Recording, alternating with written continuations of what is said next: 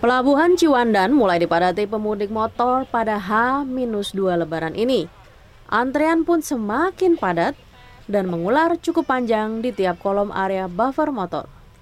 Untuk memberikan kenyamanan bagi para pemudik, ASDP menyediakan sejumlah fasilitas yang ramah keluarga, mulai dari ruang laktasi, ruang tunggu, tempat bermain anak, toilet portable di beberapa titik, hingga musola portable di dekat pintu keluar area buffer motor. Selain itu, disediakan pula stand-stand makanan dan minuman yang dapat mengisi tenaga para pemudik motor, serta panggung hiburan live musik yang diisi seniman-seniman lokal.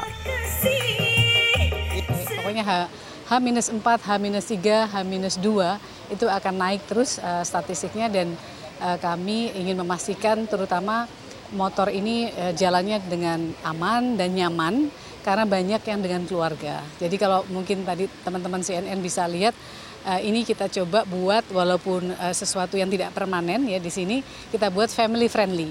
Jadi Meski demikian, hingga Selasa 18 April malam masih sedikit masyarakat yang menggunakan fasilitas tersebut. Hal itu lantaran waktu tunggu kapal yang tidak menentu sehingga mereka memilih tetap di atas motor. Nyaman sih soalnya ini masih belum rame ya, jadi masih sepi, masih lancar alhamdulillah. Perjalanannya nggak macet. Oh belum, tadi saya baru ke toiletnya aja. belum sih kayaknya ya. belum kayaknya. Minum, makan, obat-obatan. Iya, istirahat yang cukup. Monitor, cepat, cepat, monitor, cepat. Untuk menghindari waktu perjalanan yang lebih lama, para pemudik ini memilih perjalanan siang hari karena antrean yang tidak begitu panjang. Mereka pun lebih sering beristirahat untuk memulihkan tenaga supaya perjalanan tetap aman dan selamat hingga tujuan.